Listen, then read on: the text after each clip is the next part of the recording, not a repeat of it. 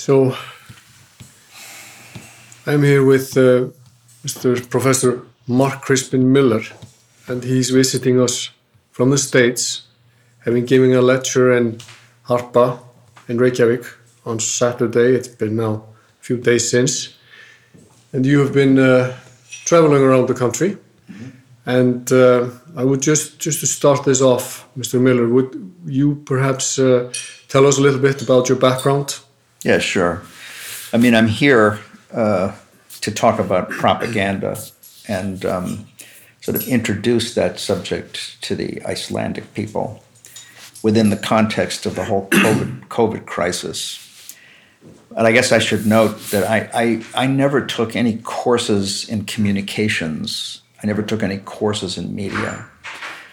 My background is in uh, English literature. I got my doctorate uh, at Johns Hopkins in the 70s, and my field was the English Renaissance. So I was concerned primarily with Shakespeare. I wrote a dissertation on Shakespeare and Castiglione, the Italian uh, author. And at the same time that I was doing that graduate work, I was um, pursuing my own personal interest in, in the media through film studies. What I loved about literary study and still do is um, the experience of digging deep into a, a, great text, a great literary text, to discover um, new layers of meaning, n- new complexities, you know, to enrich the experience of reading that text. And then again, on my own, I developed um, a certain expertise in film study. I taught uh, film courses to the undergraduates at Hopkins. I ran the film series on campus. I wrote essays on film. I, I never took a course on film. This was all self-taught.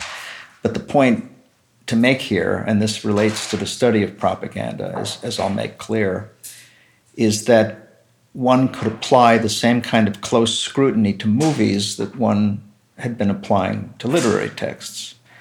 And indeed, uh, you could discover that a Hollywood movie that you might think is just a brainless entertainment mm-hmm. is actually a great work of art if you watch it a second and a third and a fourth time and look very, very carefully at what's in front of your eyes and not just listen to the dialogue. Well, this led me inevitably t- to start um, critical examination of uh, a form of propaganda, which is uh, advertising.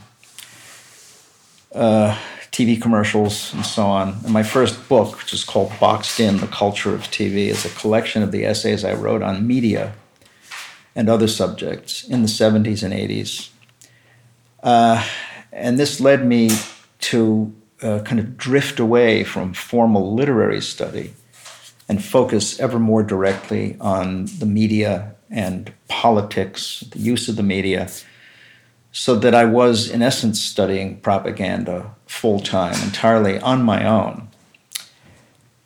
So, uh, I guess that that um, that pursuit was based to some extent on a, a certain inclination I have to question official narratives. Uh, for example, in 1991, we had the first Gulf War, right, which was like a six week war that had been prefaced by months and months of sort of terroristic exaggeration of the capabilities of the Iraqi army. Fourth biggest army in the world, right? We all heard this repeatedly. So, very sturdy propaganda meme. We were made to believe that uh, this war uh, on Iraq was going to be a disastrous replay of our experience in Vietnam. Everybody was terrorized. Then the war uh, ended as if magically in six weeks. And indeed, on the first night, uh, we got nothing but impossibly good news on every front. You know, it was just a cakewalk, and we had destroyed Saddam's air force, and we had wiped out all his Scud missiles, and on and on and on.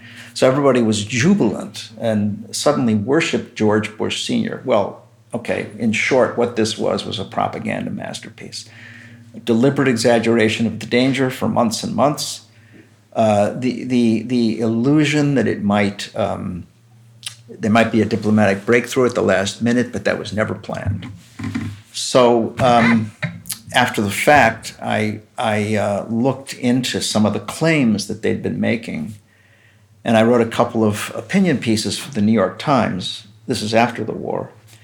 One revealing that even though day after day after day, uh, at the military briefings, we were told, the TV audience was told via CNN, that we were continuing to destroy all of Iraq's hardware, etc. Every day there would be a new number of Scud missiles that we'd attacked.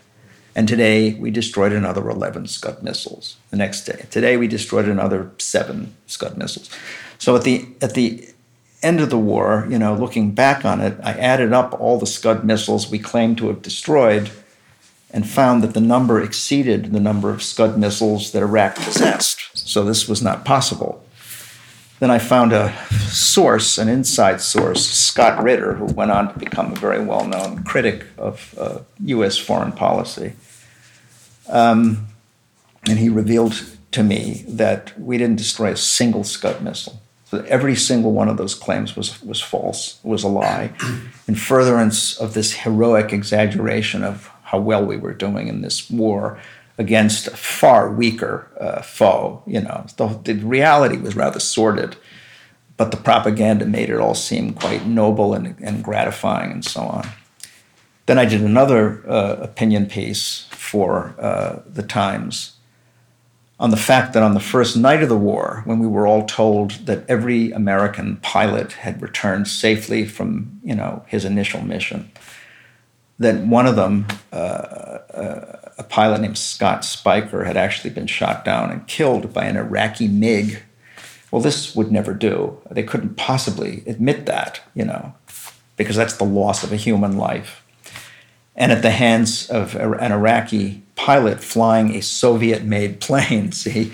So I told that story. Anyway, the point is that, that I have a history of, of critically examining official narratives uh, I've been doing it for decades, but it wasn't until 2005 that I came to discover how risky it can be to do this kind of thing. That is when you go against the narrative. Well, it's yes, I know now, as I did not know in my relative youth, that it is it is extremely dangerous to question the official narrative. You look at the plight of Julian Assange, for example. Um, that makes crystal clear that you question official narratives, and more importantly, impel others to question official narratives. You do that at your peril, okay? Because there's a tremendous amount invested in these narratives. The people behind them really mean business. If someone comes along and demonstrates that the narrative is false or only half true, uh, you, you are going to be targeted, right? Now, let me tell the story of how I came to discover this uh, very poignantly. I was concerned, I've always been concerned about the, the, the preservation of democracy. Uh, in the 90s, I spent several years trying to get people to see the danger in the accelerating corporate concentration of the media. Mm-hmm. As ever fewer multinational corporations um, you know, tightened their grip on ever more of the content we were all taking in, right?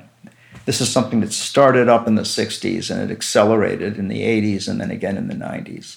So that today, uh, five multinational corporations are responsible for like 90% of what we see, hear, and read, which is a disastrous development. Mm-hmm.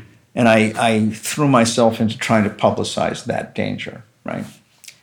I obviously didn't succeed because it continued. Then, uh, early in the century, I became even more alarmed by the absolute corruption of the American voting system. I discovered to my astonishment and horror that you know we were using computerized voting and using computers to count votes that we were not hand counting paper ballots in the open so that representatives of all parties could watch the process. We were not doing that. We were doing something uh, far less secure and, and uh, far less democratic. So I started working on that uh, problem, you know, studying that problem. And in 2005, having done an exhaustive analysis of the 2004 presidential election, I wrote a book called Fooled Again, which demonstrates that Bush Cheney were not really reelected in 2004 because that election was stolen. And the evidence is overwhelming. It's impossible to say they were reelected, moreover, because they weren't elected in the first place. The election in 2000 had also been stolen. But this was something that the media quietly admitted because the Supreme Court had shockingly interfered in the vote count in the 2000 election by halting the vote count in South Florida, right, which Al Gore was going to win. So that was a, a, nakedly partisan step by our highest court, and people saw that, and so the press couldn't exactly deny it.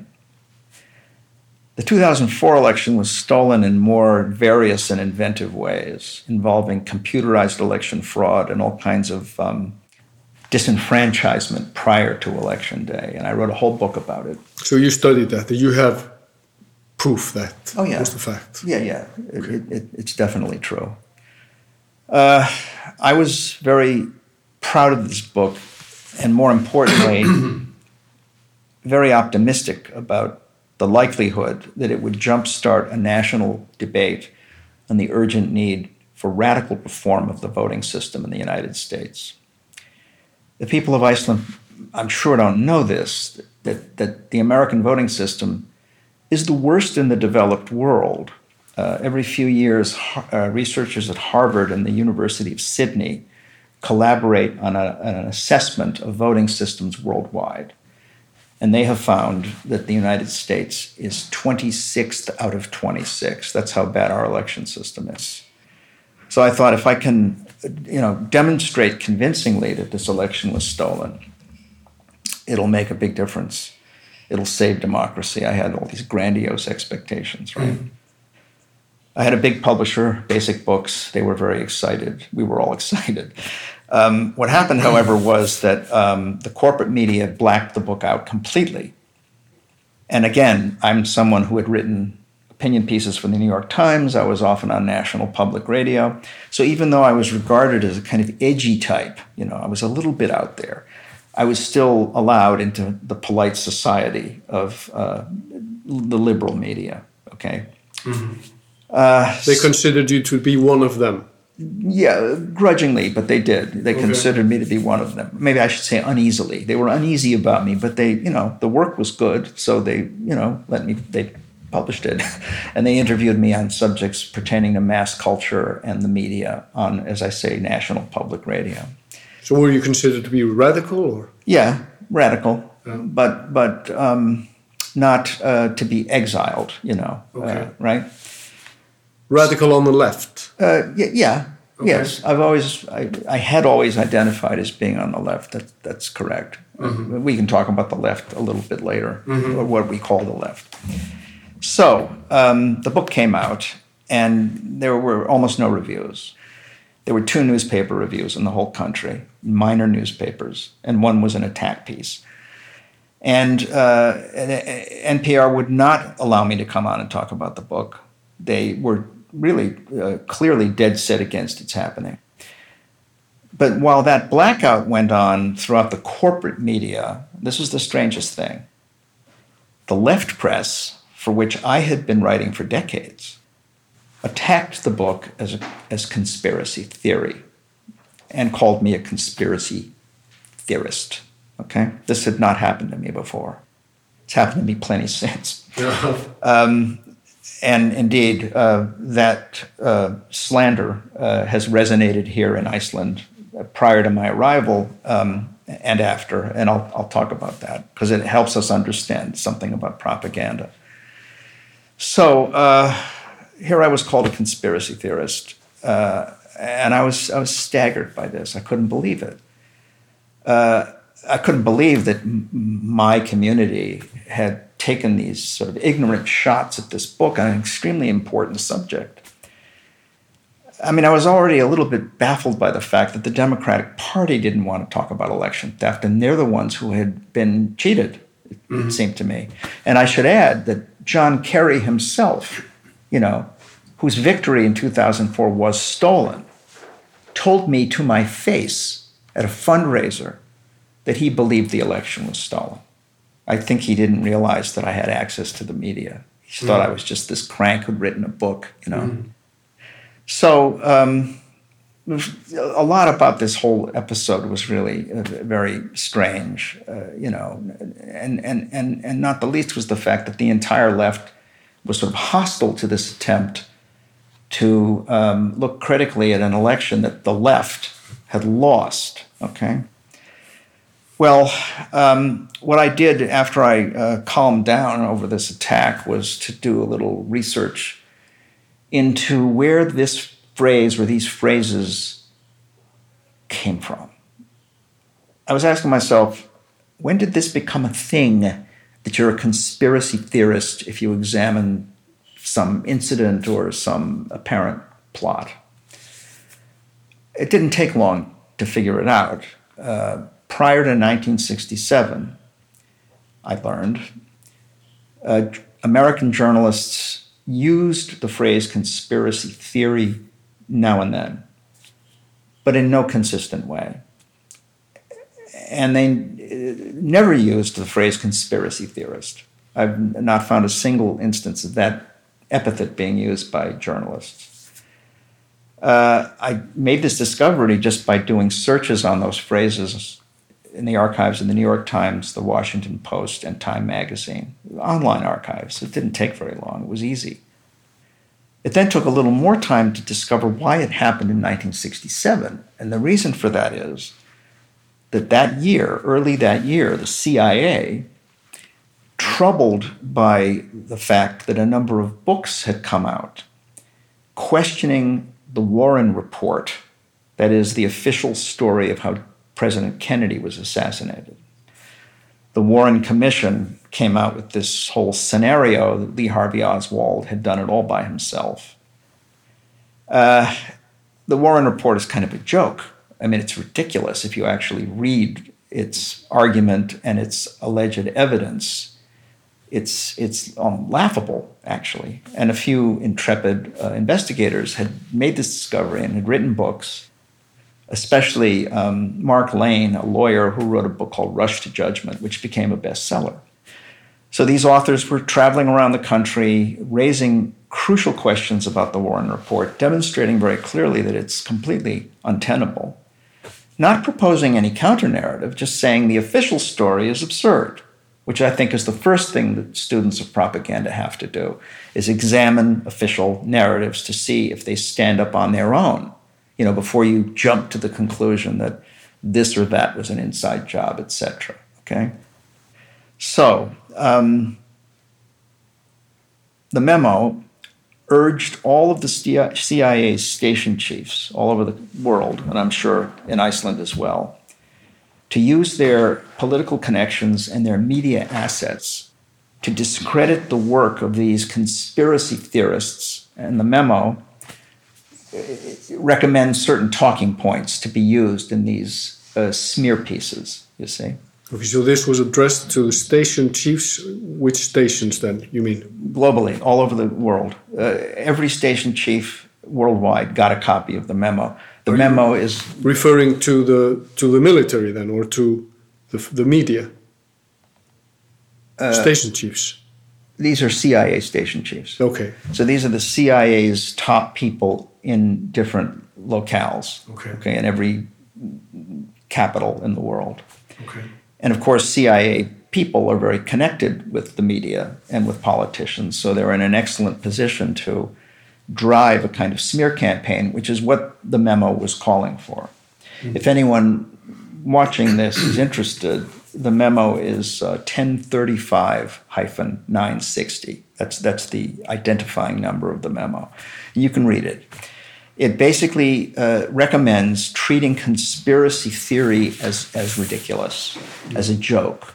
as a sign of lunacy. You know, we think of tinfoil hats and crackpot views and the Flat Earth Society and stuff like that. That whole approach to dissident takes on the prevailing propaganda narratives begins formally with that memo in 1967. From that moment on, uh, anyone who raises any questions about the official narratives around any uh, significant event uh, is, is more than likely to be dismissed with a, with a derisive snort and a roll of the eyes as a, as a crackpot. Okay, so rather than engage in a discussion or a debate, they are discredited. Indeed, the whole purpose of this attack is to make sure that nobody engages with your argument. You see, it would be one thing if they, they pumped out counter arguments, if, if they came up with stronger evidence, right, to bolster their claims. That would be one thing. That would be a debate. That would be a kind of um, democratic exercise. That's not what they want, okay? They do not want to engage your arguments because they can't engage your arguments. So, and when you talk about them, you mean Well, I, I mean, in this case, the CIA and its affiliated media, right? Because the CIA has been deeply involved with the American and global media since its founding, really. Um, so, so you know, they are very skilled at, at, at figuring out how to discourage people from listening, how to get people to avoid even considering what it is you have to say. See? So when you are slandered as a conspiracy theorist, um, this is this is the authorities conveying the notion that you are not to be uh, uh, heard. You know, you're not to be read. You're crazy, right? And what you're proposing is self-evidently crazy. And the reason why this is so effective, the reason why this has appealed for decades and decades, is that effective propaganda always tells you what you want to hear. Okay? It tells you what you want to hear. If propaganda is crafted in a way that's meant to persuade you of something you don't want to believe, it's, it's a failure. It's not going to work. You let's let's say something about the word propaganda, the word itself, which was coined by the Vatican in the early 17th century. They were um, feeling extremely threatened by the Counter Reformation. Mm-hmm. You know, the evolution of all these Protestant sects, the availability of scripture in vernacular languages. Mm-hmm. This was a big problem for them. And, and, and I think it was a sincere concern on their part. I mean, their power was threatened, but they also believed deeply in, in, in what they were doing and in the truth of their gospel. So they saw it as a kind of spiritual obligation to fight back against this. To that end, they formed the Office for the Propagation of the Faith. Okay? That office is still in existence today. It's called in shorthand the propaganda. The propaganda. the Previous pope had been head of the propaganda, you know. So um, th- under the auspices of that of that office, uh, uh, priests were uh, prepared to do missionary work in the New World, to save as many souls as possible. You know, go among the indigenous people and save their souls by by uh, conveying the, the true gospel to them and saving them from hellfire. You know, an eternity in hellfire because they'd fallen for some horrible heretical Protestant splinter theology. You see what I mean? But the point here is that the word was not in any sense suggestive of deception. We see the word propaganda, we use the word propaganda as a synonym for lying, okay? Mm-hmm. Which is a legacy of the First World War. but when the word first emerged from the Vatican, mm-hmm. it, it, it actually denoted the truth. I mean, the absolute truth. So mm-hmm. there's no sense in which it was meant to manipulate people's minds or anything like that. And the word comes from the Latin verb propagare, okay, which is a horticultural term, which refers to making a plant grow by grafting a shoot onto a rooted plant. So that's a very useful uh, fact because it dramatizes the necessity of planting propaganda in fertile soil. You see, it won't sprout, it won't grow if it's not planted in receptive soil. So you have to you have to figure out how to tell people what they want to hear. Now, somebody comes along and says, there's copious evidence that the government killed the president of the United States in broad daylight. It involved all the top government agencies. Or someone comes along and says, you know, there's no evidence supporting the claim that 19 Saudi hijackers, all on their own with box cutters, commandeered these planes and flew them into the Twin Towers. All the evidence tells us it was some kind of an inside job. Those are just examples. Who wants to believe either of those stories? What sane person wants to think that their democratic government would commit these high crimes? Nobody wants to think. I wouldn't want to believe it, but uh, just a small discourse which connects to what you're talking about is that we've gone, we went through the Re- Reformation and the Enlightenment. There was a lot of struggle where people were fighting to have like the scriptures in the vernacular, like you say. Mm-hmm wanted to read the source themselves right. were prevented by the church, I suppose, and by the priests that had been chosen by the church, who were sort of going to tell people what the actual truth was and preventing people from reading the source itself, right? Right. So that was part of the, the whole, like this Reformation business. Right. And then today, believing that we live in a secular society, we see echoes of the same happening again, I suppose. If people want to see, seek the truth, look at the original sources, they, they are met with modern day priests who tell them that only them, they only are the only ones that know the truth. That's and right. that, that truth should not be sought on an individual basis, right? That's absolutely right. We're, we're living under the conditions of a new inquisition. Yes. It's an inquisition uh, slavishly, dev- abjectly devoted to science with a capital S. You know, Yeah, so science is morphing into uh, religion. science it has morphed into religion. It has its high priesthood, and if you question its priesthood, you you deserve hellfire for Yeah. all time. The only the only problem is that science contains no uh, like uh, rules regarding anything that has to do with uh, mercy or grace or forgiveness or anything like that.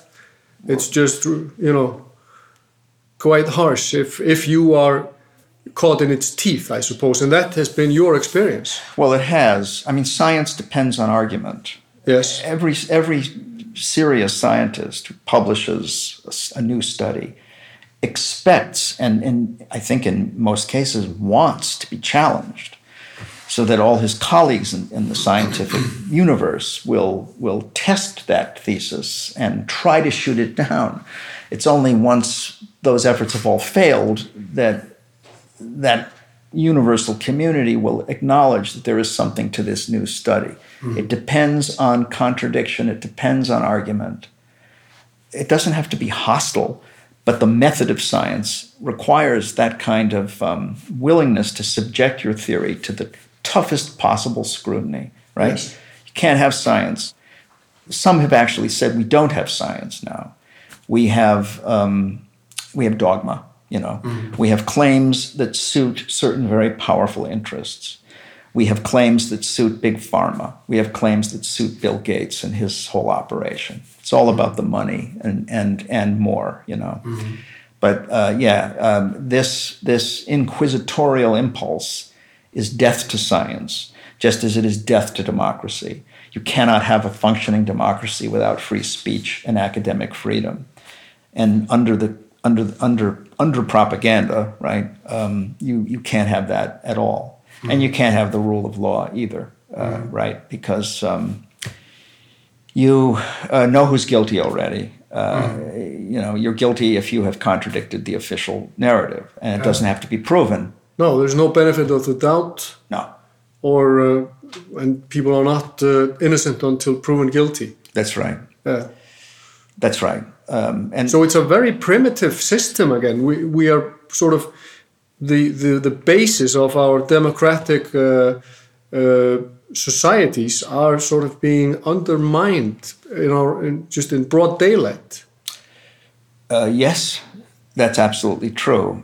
Um, I have discovered over these last two years, and I'm not the only one, that uh, humankind has actually not progressed at all since forever. I mean, I, I used to be like every other educated person, just presumed that we are not like those who were burning witches in the 16th century. Mm. We're not like them because we're not. Mm.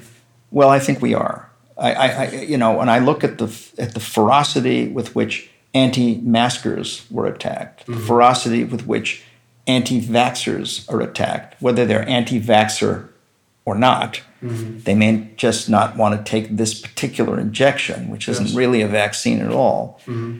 The, the loathing, the hatred with which those outsiders are treated. Mm-hmm. I mean, several observers have already noted that it clearly echoes the way that the Nazi propaganda cast the Jews, right? Because the Holocaust was a public health measure. You know, people who haven't sufficiently studied that episode don't realize that it wasn't just this explosion of feral race hatred like a Russian pogrom. It was a systematic, highly organized, rationalized uh, uh, public health measure because the Jews were, were systematically defined as vectors of fatal disease, primarily typhus, but also tuberculosis and syphilis, you know, and other sexual diseases. This is all over Mein Kampf, you know, it's quite explicit. And the Holocaust was carried out at every level with the full participation of the entire German medical community. There were almost no exceptions to this. But from the time they started sealing Jews off in ghettos to the time that they were, you know, shipping them east to be uh, uh, exterminated and their bodies burned, it was understood to be a ruthless and perhaps in some sense regrettable but necessary effort to protect the health of the German people and specifically the racial hygiene of the German people. See, there was this notion of race health that came out of the eugenics movement. Um, but uh, this, this, i i i we don't have to stop at the 30s. We can go all the way back to the Middle Ages. We can go all the way back to any period in human history when delusion prevailed. And we can see that we're just as susceptible to delusion as anybody uh, uh, in our prior human history has been. There's, there's been no progress whatsoever. And this is why, you know, being a fundamentally optimistic person, I have been devoting myself to the notion that um, propaganda must be studied critically and must be taught. Okay. So we have to be able to sh- to see and to to know propaganda when it appears. Yes. Right. So I saw this quote by Aldous Huxley the other day. He he said something along the lines that uh, the uh, the the main aim of the propagandist is to make is to convince a one one section of the society that a certain other sector of society is not human or sort of dehumanize them. And you mentioned the 30s, you mentioned other periods in time. And what we actually saw here in Iceland was quite blatant. We saw editors of newspapers calling for uh, those who had not been vaccinated with this, well, what shall we call it? This Serum. serum, okay, let's call it that. Those who had not taken the injection should, in one way or another, be, uh, well, should not uh, uh, enjoy the same rights as others. The, you had people here from the industry saying basically the same things. They should be lower class class than others. So uh, you could see just basically the uh, the same. Uh, they're playing the same tune as, as as we have been playing as a race, a human race uh, in centuries. That uh, you know, previous centuries. Absolutely. Yeah. And, and but they won't recognize the similarities. Well, no, of course they, they won't. They can't afford to recognize the similarities. What's that? Take your hand. Oh, um, the, you know, um, they can't afford to recognize similarities, not least because they purport to be speaking in the spirit of science. Yeah. But there's nothing even remotely scientific about this notion that the unvaccinated pose a threat to the vaccinated. Mm-hmm. I mean, I'm old enough to remember, as almost everybody is, the day when, if you were vaccinated, you were serene, you were calm because you felt you had been immunized against the disease in question, mm-hmm. right? I'm not worried, I'm vaccinated. Where, where did that go? Mm-hmm. Now, if you're not vaccinated, those who have been vaccinated might get sick from being near you. Well, weren't they vaccinated? right. It doesn't make any sense. Yeah. On its face, it's just stupid. Yeah. It has nothing to do with science at all. Nothing to do with logic, even. Well, no, exactly. So it's all what? Um, Emotion? it's emotion. It's So is that a, a, like a huge part of propaganda, as you say, it would be emotion rather than logic, or oh, absolutely. yeah, It, it, it, it, it tends to promote a body of superstition, which is driven by fear and anger. Mm-hmm. Okay. And this relates to the quote of Huxley's that you just Yes. noted. I mean, there is an important genre of propaganda that does indeed engage in the systematic demonization of other groups of people, right? Uh, makes them scapegoats for everything that you, you know, fear and hate. But it is fear and anger that um, makes propaganda uh, effective at its most catastrophic because you're not using your mind, you're not thinking at all, right? You're not basing your views on anything scientific. You're simply basing them on what you've heard from the men in the white coats, you know, the authorities, the priesthood. So uh, we have witnessed worldwide under COVID a complete uh, abandonment of all proper democratic procedure. You Yeah. know, there's no uh, constitutional protection. There's no uh, proper legislation. Uh, countries are ruled by bureaucratic decree, you know, which is as undemocratic as you can imagine. Yeah. Right? We have no free speech. We have no uh, freedom of assembly. right. We um, are not. Um, can't even have jury trials. I mean, these things are all in the American Constitution. Right? Yeah, it's the same here. I mean, power was basically given over to these uh, health mandarins that all of a sudden were controlling uh, the governing the country Right. without the politicians, the elected politicians, taking any, ba- taking the decisions. They were taking them formally, you know, on paper, but they're obviously not taking them. You understand? Yeah, yeah. So the government was effectively moved elsewhere. The parliament was like uh, disengaged. So the, so a lot of things happened. There should have been a major concern, but for some reason it wasn't. No, it wasn't. Well, I think that the reason, here I'm going to engage in conspiracy theory.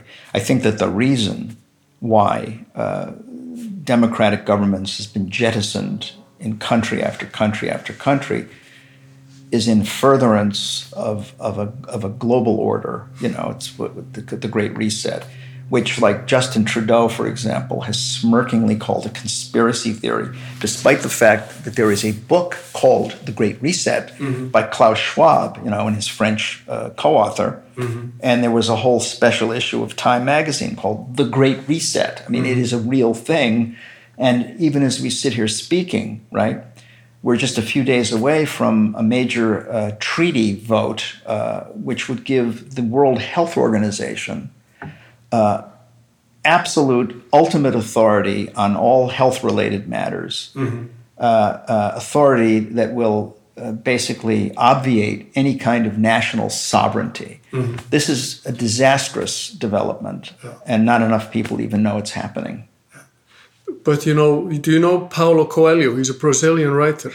Yeah, I know the name. Yeah, so he, he wrote this book called The Alchemist, and uh, in one section of the book, uh, he the, the the like the the main story the the hero is traveling from A to B, and they are hiding something, and and they are wondering how can we hide it, and they, their conclusion is it's best that we just leave it in plain sight, and then no one will see it.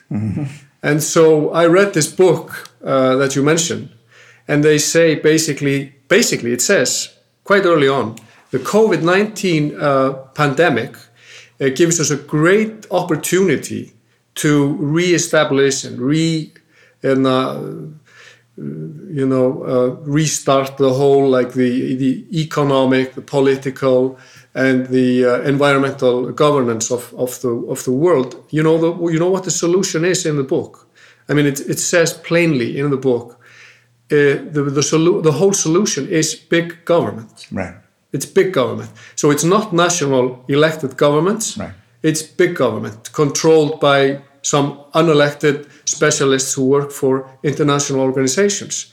So if you mention this to someone, even though it's, it says it plainly in the book, you would perhaps be branded a conspiracy theorist. Because nobody wants to believe that. Why not? Same thing. Because again, propaganda resonates by telling you, you know, what you want to hear. Nobody wants to hear that that's true because it's very bad news. Mm. Nobody wants to hear that the world they have always known is just as uh, definitely doomed as as the world of the indigenous peoples of the Western Hemisphere. You know, mm. were doomed by the conquistadors. Mm-hmm. I mean, being an optimist, I like to think it will not happen because people will wake up and, and turn against it, right? But it's precisely to prevent that from happening that people like us are slandered and uh, ridiculed and caricatured as, as cranks, as crackpots. And a very good example of that uh, comes from just this week, you know. Um, you know, the health freedom community uh, has hosted me here, and I'm extremely grateful that you have because it's been a wonderful experience and, and it, it is very promising uh, you know to be in a country like this uh, where there is a tremendous potential for waking people up. Well the the the uh, masters of the propaganda want that less than they want anything. They haven't done all they've done so that some loudmouths can show up and start telling people what people need to know uh, telling people things that will impel them to think twice about what they've heard and maybe change their behavior and adopt a more resistant stance towards what's going down. They don't want that to happen.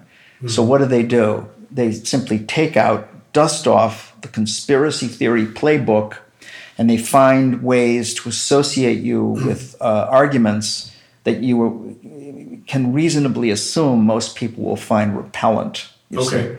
And that's what happened uh, here in the media, the Icelandic media.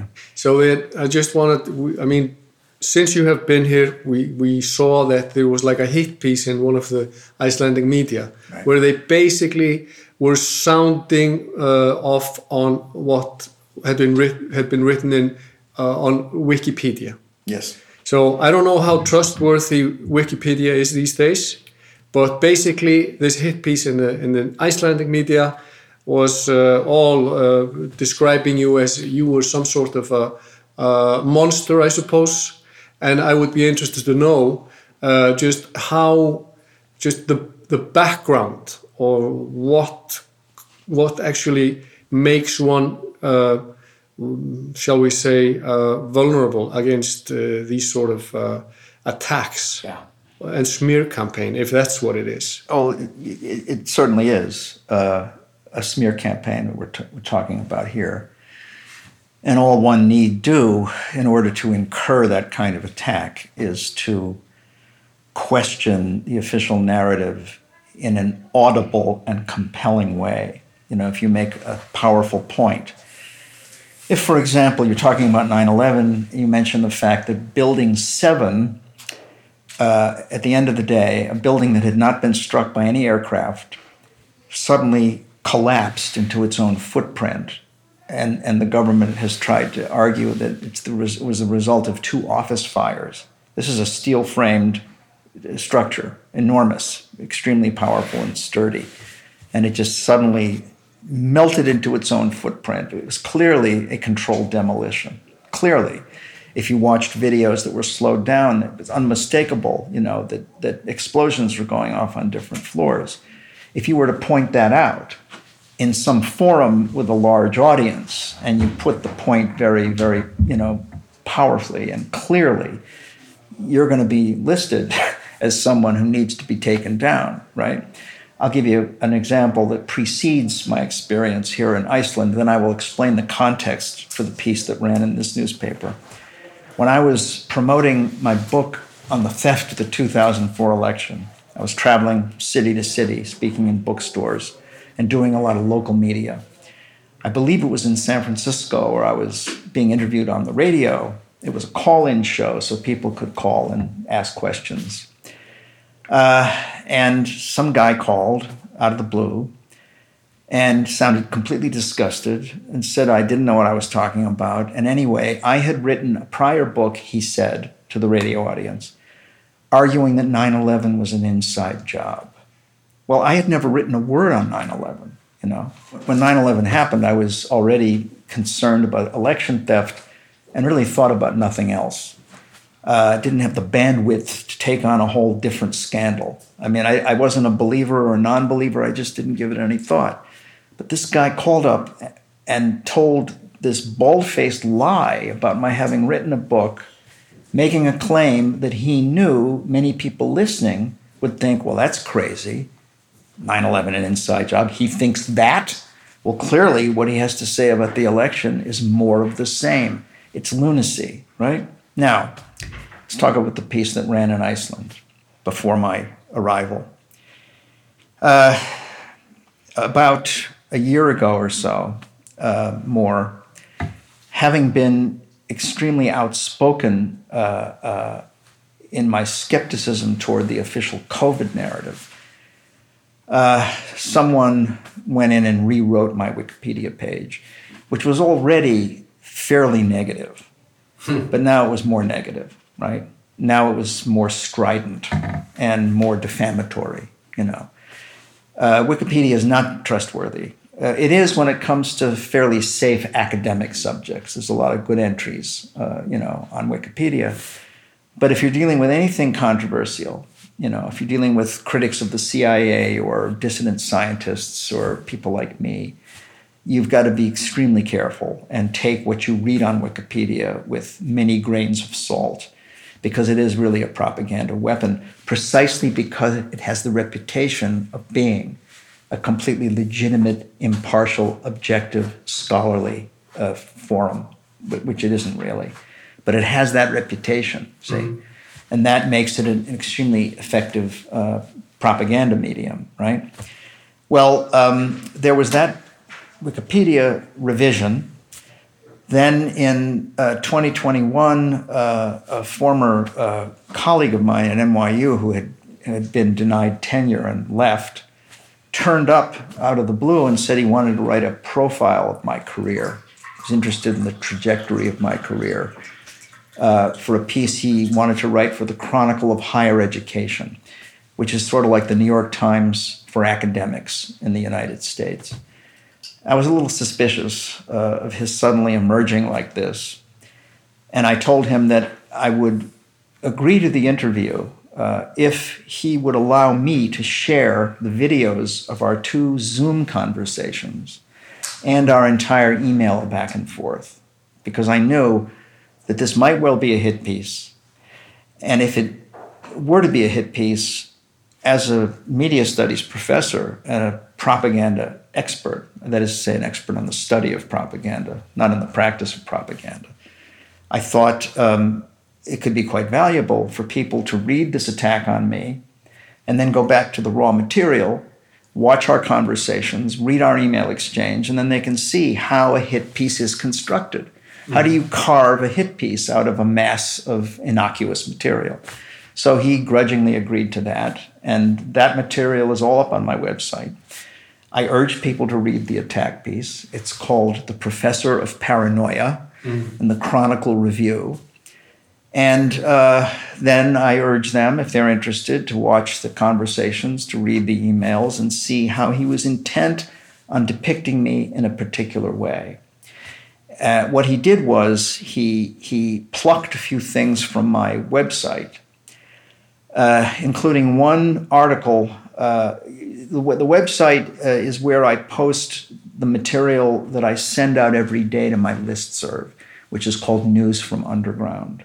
If people go to markcrispinmiller.com and sign up for that list serve, they will receive from me daily uh, emails that provide news that's either been blacked out, important news that's either been blacked out or misreported, right? Uh, so one of the things I shared, you'll appreciate this as a lawyer. Uh, there's the Sandy Hook shooting in 2012, right? High profile, horrible story, all these little children killed by a mad gunman, etc. Well, there's a book about the Sandy Hook episode, a book of essays. The book is called, and it's a provocative title, Nobody Died at Sandy Hook. And the contributors to the volume all uh, each of them examines an aspect of the official narrative to demonstrate that it was false, that it didn't happen. There are all these different elements within that narrative that turn out to be fabrications and invented. The editor of the book makes the argument that nobody was killed at Sandy Hook. I don't know if that's true or not since I was not there, but I do know that the book is convincing and that people who are concerned about it should at least read the book and see what they think. Okay. Now, this guy, his name is James Fetzer, conspiracy theorist, came under really heavy attack. He was hit with, I believe, two defamation lawsuits filed by the parents of the children or the alleged children, I don't know which, uh, suing him for far more than he'll ever be worth, right? And uh, the uh, Lenny Pozner is the name of the man who purports to be the father of one of the victimized children, he came up with what he said was, was a birth certificate to prove that his child was a real child and was really killed. Fetzer uh, found two highly credentialed handwriting experts who had worked with the FBI. He showed them this document, and they both found that it was a forgery. The article I shared carried the news that the judge in the case refused to allow the jury to hear from either expert. I think that's newsworthy. I think that's significant. I don't want to think that this was a big fraud, right? But I also don't want to think that we make up our minds about something as important as that just on the basis of assertions by the media or by the government, right? I think that that case should be properly adjudicated. Okay. You, you know. Okay. So just to so that it, it, has been said, I am I don't have any basis to to have uh, an opinion on what you are saying, but uh, I would think that coming from the U.S., having read a lot about uh, Jefferson and the framers, it seems to me that Je Jefferson was uh, of the opinion that we should be allowed to uh, doubt anything, basically. That's right.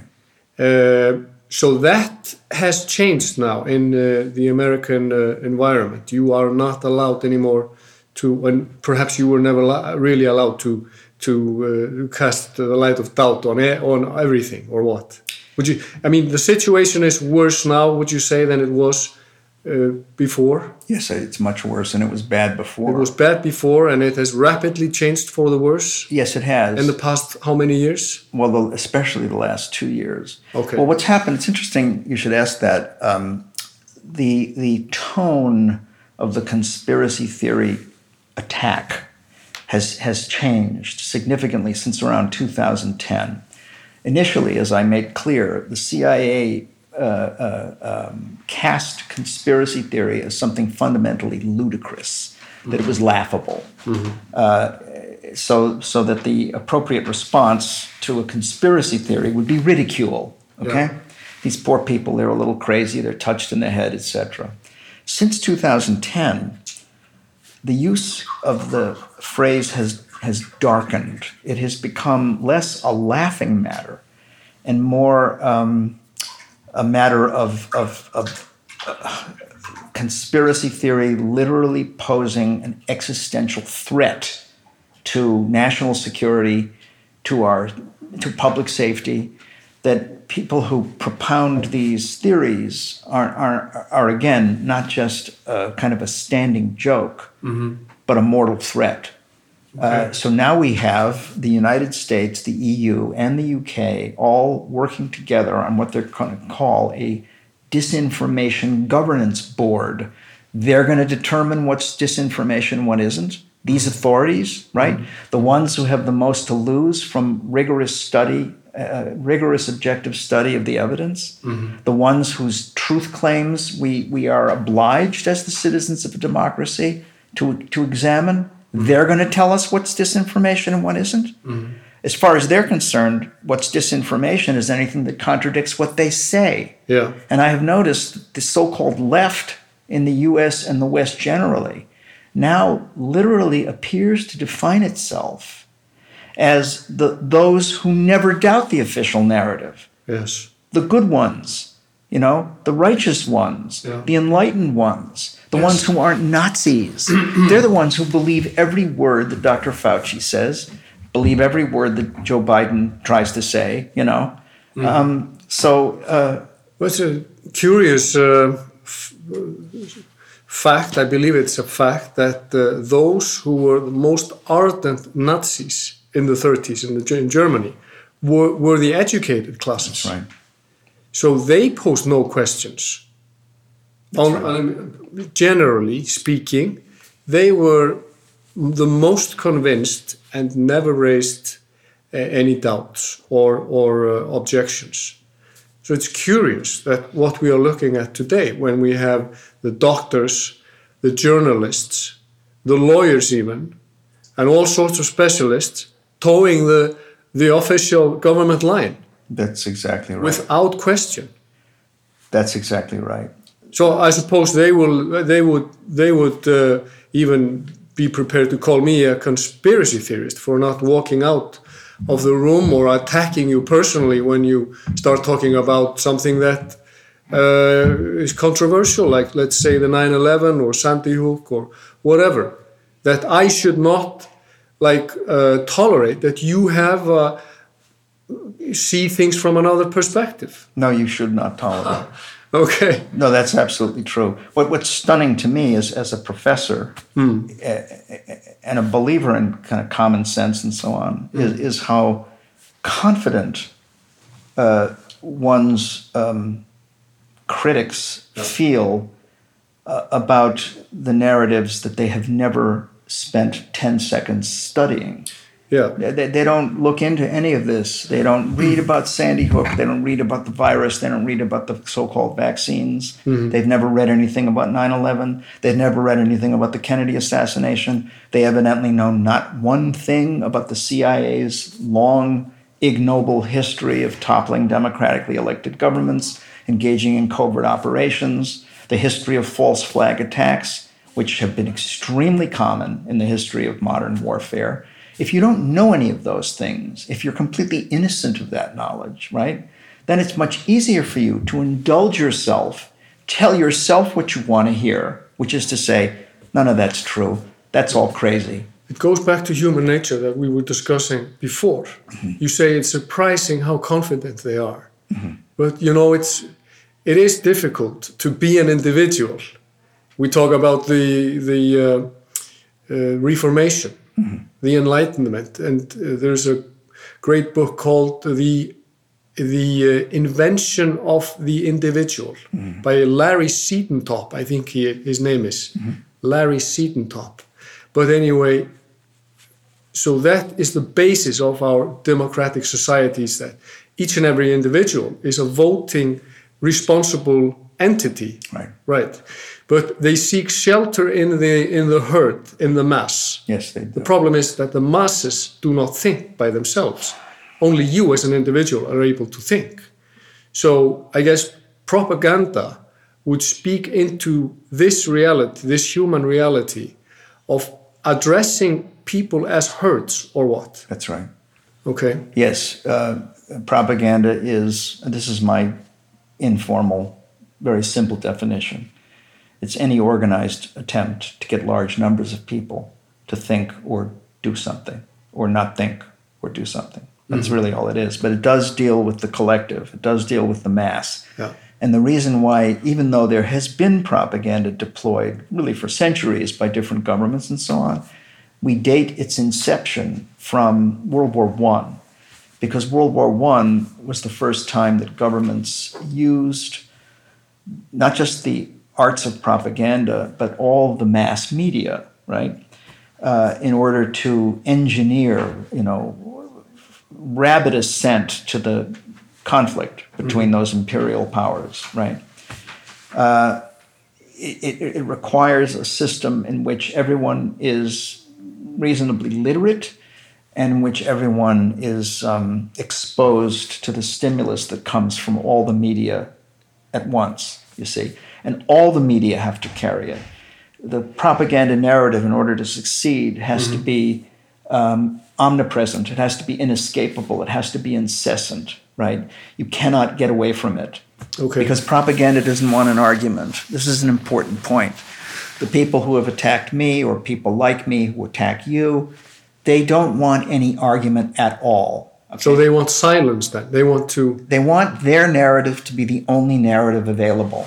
That- that- In other words, they want it to be inconceivable that there's another side of the story. Mm-hmm. See? Mm-hmm. So it is really exactly like what the inner party does in 1984. Mm-hmm. You know, their aim is to get you to trust their say so over the evidence of your own senses. See, which is a really radically totalitarian aim and it's it's uh, evident all around us, not just in China. You know, I mean, we can see here in Iceland. Um, uh, I, I, I, I've blanked on his name, but the guy who has a ta- talk show on, um, he's on Facebook, uh, Right, right. right? What, Yeah. What's his name?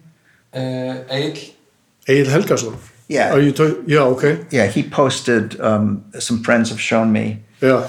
He has uh, posted some indignant comments on myself, Mm-hmm. Claiming that I, I, I regard 9 11 as an illusion, which Yes. is an illusion. I never said that. Uh-huh. And going through other mangled versions of various things I've discussed over the years, which he absorbed from Wikipedia or from other media attacks on me. In other uh-huh. words, being someone I gather who was extremely frightened of catching the virus. Mm-hmm. Okay, I get that sense. Yeah.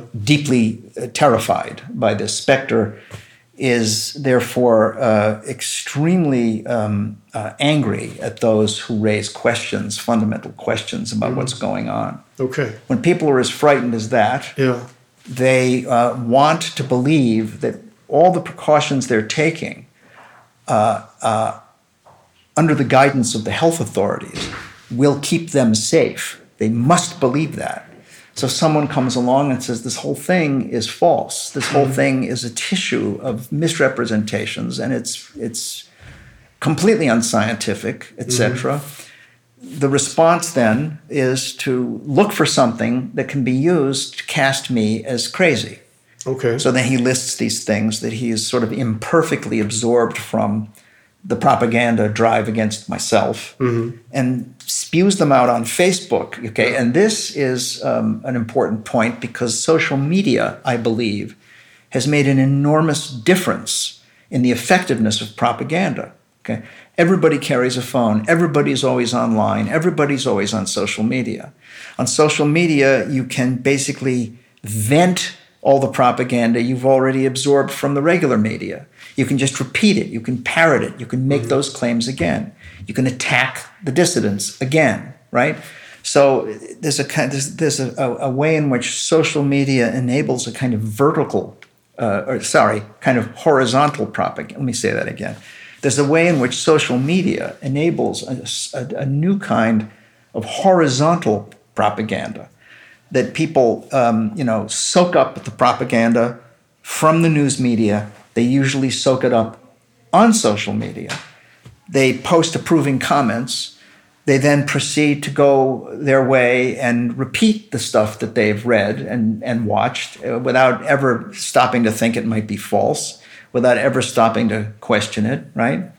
And because social media is so easy to use, you know, it's so much easier to post a comment than it is to write a letter, put it in an envelope and stamp it and mail it and wait till it reaches its recipient.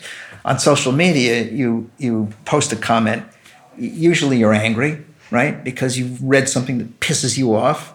So you you post an angry comment. Mm-hmm. Maybe you throw in a couple of extra links to show that you're well read, mm-hmm. right? Mm-hmm. And then um, you fire it off. You fire it off in anger. So that just raises the temperature of the whole exchange. It lowers the intelligence of the whole exchange, Yes. right? Uh, so it's a double-edged sword, digital technology. It does enable people to reach one another, right? Despite all the propaganda, it enables that. It enables us to find the other side of the story, although that's becoming increasingly difficult as as you know the various powers scrub the online universe of certain embarrassing d- data, uh, you know, inconvenient information. So it has its uses, God knows. It's it's indispensable, but at the same time, it also adds immeasurably to the problem. Mm-hmm. Now, this person you, you, I think you were referring to is a talk show host in Iceland, paid mm-hmm. by the state media. Yes. So he's a journalist. He used to be a, quite a, an interesting journalist when he started. I remember when he came in in '97. I remember him first. Uh, but now, I mean, uh, looking at what he reads, being uh, he's sort of su- superficially judging you on just on the what he see, finds obviously on Wikipedia or something like that, and you say you can easily easily refute everything that that is stated there. Yeah. Uh, That's how I understand you. Well, yes. Um, I I luckily don't need to because there are a number of people uh, reading his post who had been to my talk and heard me speak, you know, with their own ears, and were um, responding to him on the basis of that knowledge of what I had to say. What you had actually said. Yes, what I had actually said. Right. Yes. Right. So uh, let's say that, and I can understand that if we if we allow people to enjoy like the benefit of the doubt. Let's say that uh, he and a number of well millions of other people have been basically been scared into submission. Yes. What what troubles me more is the question of uh, journalistic uh, integrity. Where has that gone?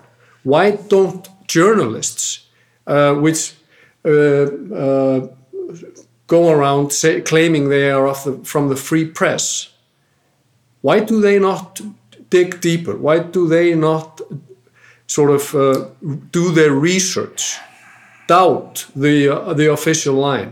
Yeah. What could be the explanation for that?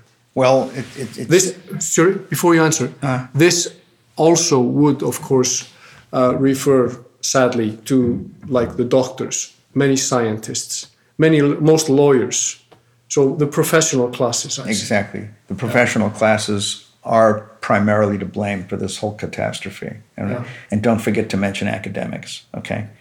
So, academics, Yeah. we, we think to ourselves, well, surely academics believe in a, in a robust and honest exchange of views. Surely they believe in that. Surely they believe in consulting the evidence. Surely doctors are devoted to making people well. And surely journalists are interested in discovering the truth. Okay, those are all very idealistic takes on the missions of those different professions. Okay, the answer, unfortunately, is that that in each case, that kind of high-minded ideal of what the profession is supposed to do for all of us and for democracy, etc., is trumped by careerism. Okay, in in the real world, academics and doctors and lawyers, like journalists, uh, have to go along to get along.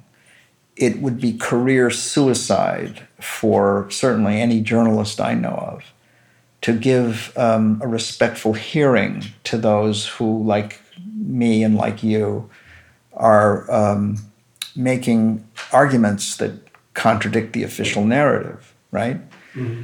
If you're a journalist, especially a journalist at uh, the New York Times or some outlet like that, or any state-supported outlet for that matter, if you um, you know s- s- venture away from the reservation and actually say, you know, there's really something to this claim about 9/11 or about the so-called vaccines, you know, there's something to it. There's something to the PCR tests being useless for diagnostic purposes. I could go on and on because there are so many lethal misconceptions floating around out there, right? You would think that the journalists would look for the truth and report it, but no, it's too risky for them, okay? They depend on their incomes as employees of these media outlets. They depend psychologically on the prestige that they that they uh, garner from from their jobs, you know. Um, you are you, you you fancy yourself a part of the elite when you're when you're working for the media. You know, um, you're not really, but you think you are. so um, you know, uh, it, it is simply too risky to to tell the truth. So, careerism then trumps anything we would refer to as a civic duty, as that you have an obligation to the republic, to the constitution, uh, to the general public, Right. to your profession, Yes, to the truth. to the truth. Yes. So all that is washed away uh, because careerism in today's world is so much more important to them. Absolutely. And let's here's an example from the world of science. You know, um, Luc Montagnier, the great uh, French, you know, uh, virologist who died recently, and whose death was barely reported. Interestingly enough, uh, he, um, you know, was the one who d- discovered the relationship between HIV and AIDS, and that was a you know a big big deal. And I believe he got a Nobel for that, a Nobel Prize.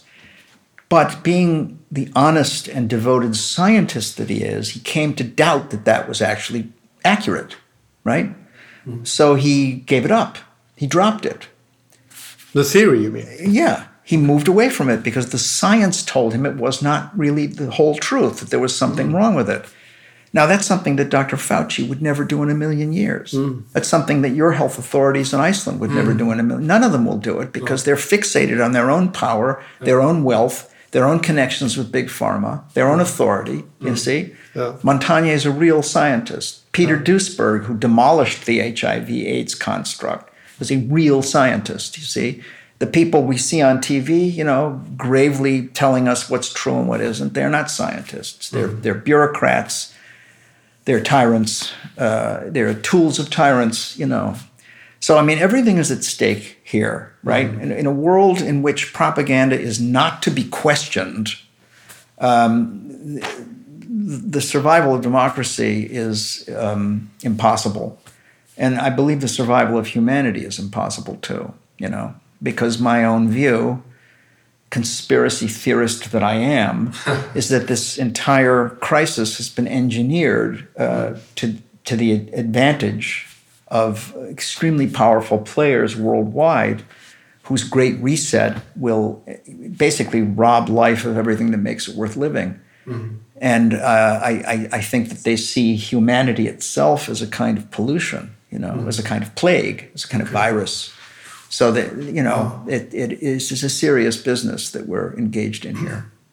It's a, it's a de- depressing picture that you paint, but uh, just as we, you know, try to wrap this up, and thank you for meeting me. Uh, what could be uh, like a glimmer of hope? What could save us from from this? Uh, I'm glad you're asking me this because um, I, I, I resist the characterization that this is depressing. I don't think we should be depressed. You know, depression is just anger turned inward. yeah.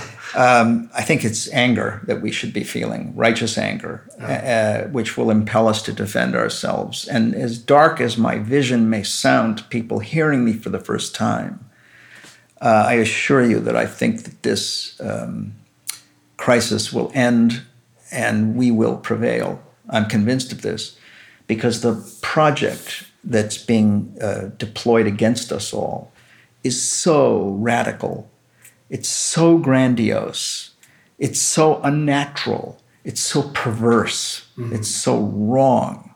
Okay, in a word, it's so evil. Uh, you know, I don't think it's just incompetence or greed we're talking about here. We're talking about something that is deeply destructive and that would be permanently damaging to humankind and to the planet as well.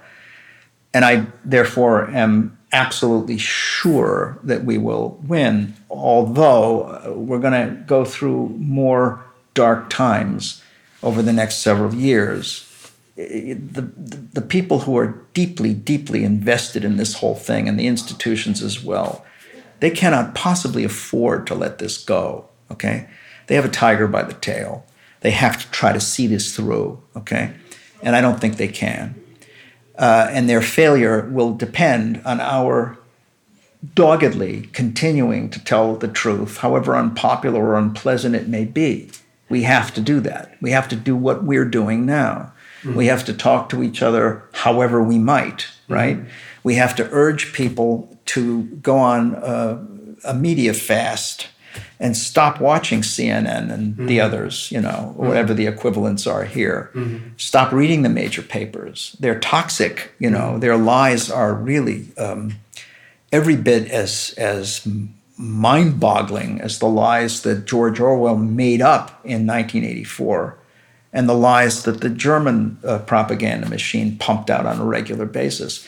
What comes out of the media throughout the so called democratic West is every bit as false as, as those dystopian examples. Mm-hmm. This is something I never would have imagined myself saying mm-hmm. because I used to be sort of allergic to people who compared American media narratives with Nazi narratives. I used to think mm-hmm. that was tasteless, right? I don't anymore. If anything, it's an understatement because the German media under Goebbels, you know, they didn't have the fig leaf of the First Amendment, right? They weren't pretending to be telling the truth the way mm-hmm. the Western media pretends to be telling us the truth against the lies of Donald Trump slash Hitler. Mm. Okay, so it's the it's that pretense of, of, of democratic journalism that allows the Western media to be an even more effective means of deluding the masses than mm. totalitarian media. Because under the Nazis or under the Bolsheviks, a lot of people kind of knew that they were being lied to.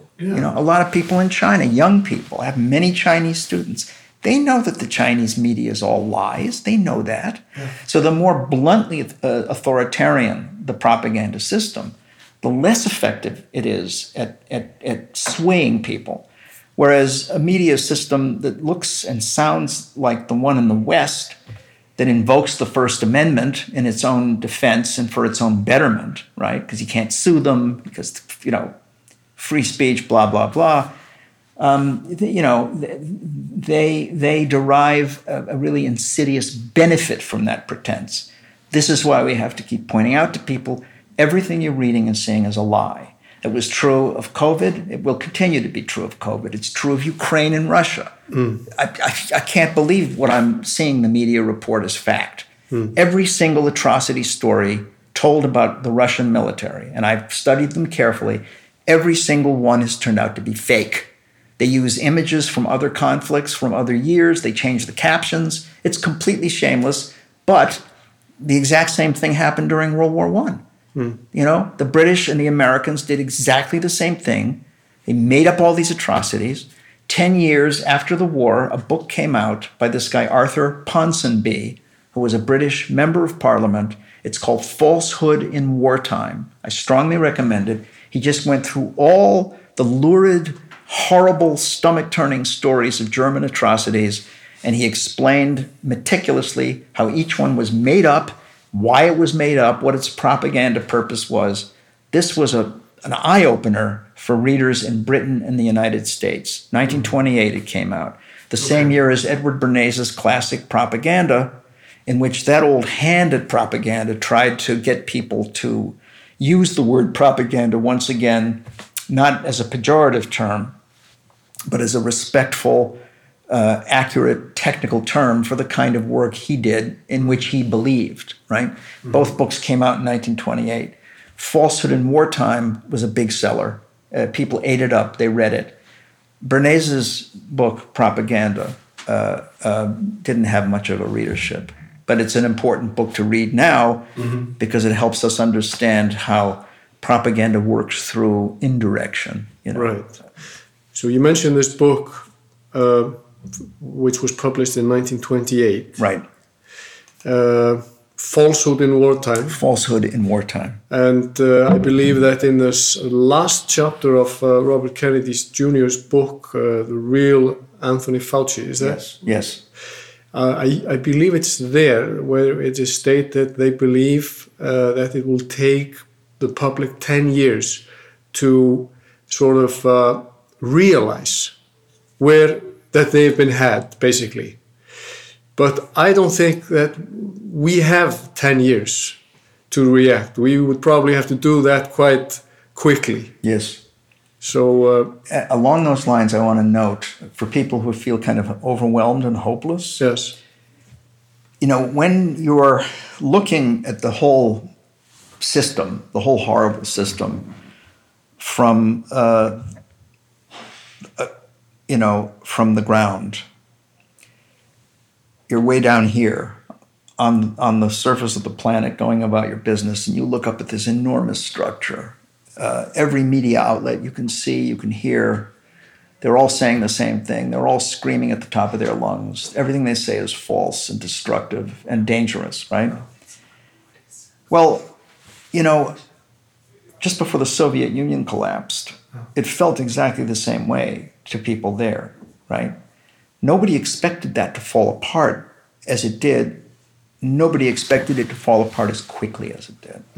It did suddenly all go to pieces.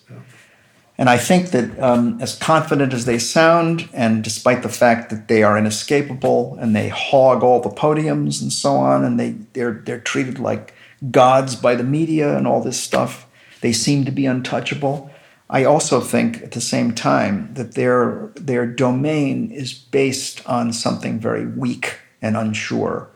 That's partly the financial system, which is you know heading for a reckoning, but it's also that um,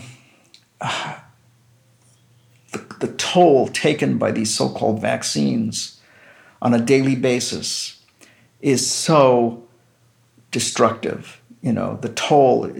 Let me rephrase that.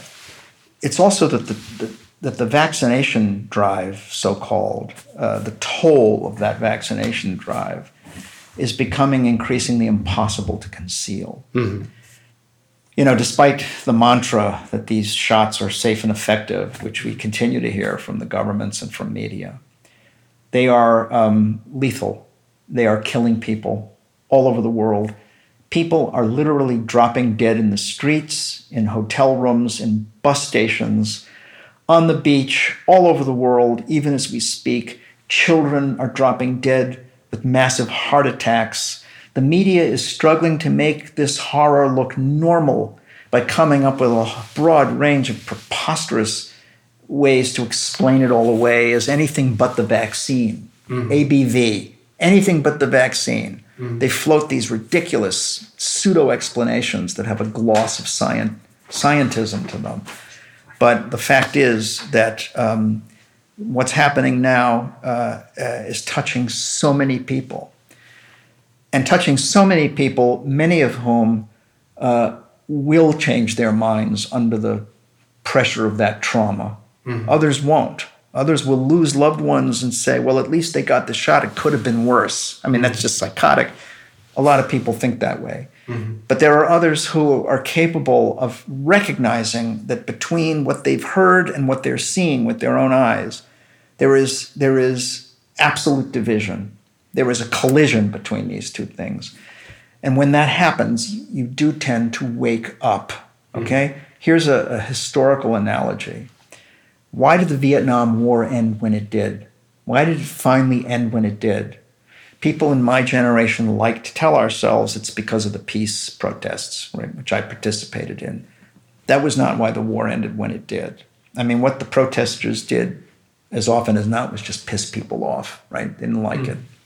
The reason why it ended was that the casualty rate was finally so high that it was impossible to talk the American people into continuing to believe that the war was going well. They could not do it. Mm-hmm. The toll was too great.